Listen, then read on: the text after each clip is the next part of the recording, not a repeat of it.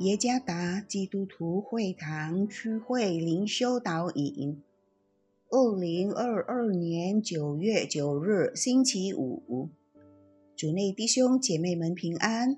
今天的灵修导引，我们要借着圣经《使徒行传》第一章第八节来思想今天的主题：蛮有能力的做见证。作者张明慧传道。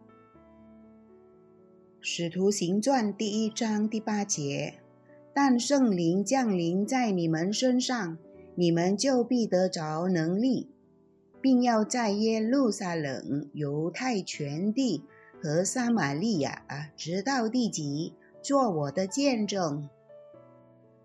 在法庭开庭时，总会有被称为证人的人出庭，他们是专门被召唤。并授权在案件中作证或说明案情的真相。希腊语中“能力”一词是 “dunamis”，意思是力量、勇敢、能耐、奇迹。在今天主的话语中解释说，每个信徒都会得着能力，赐予能耐、勇气，为基督做见证。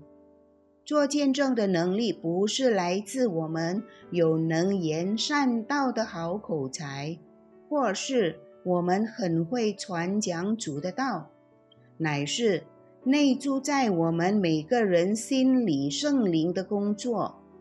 是圣灵使人意识到自己的罪过而悔改，然后圣灵赐下我们能力来觉知。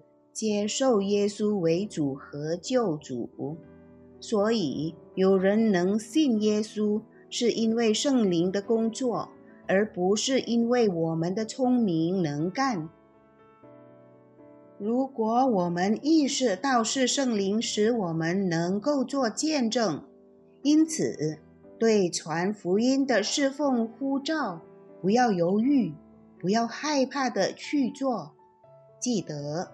圣灵赐给我们传福音的能力，我们只需要把分内的事做好，其余的事让圣灵动善功，给予他们悔改和信心。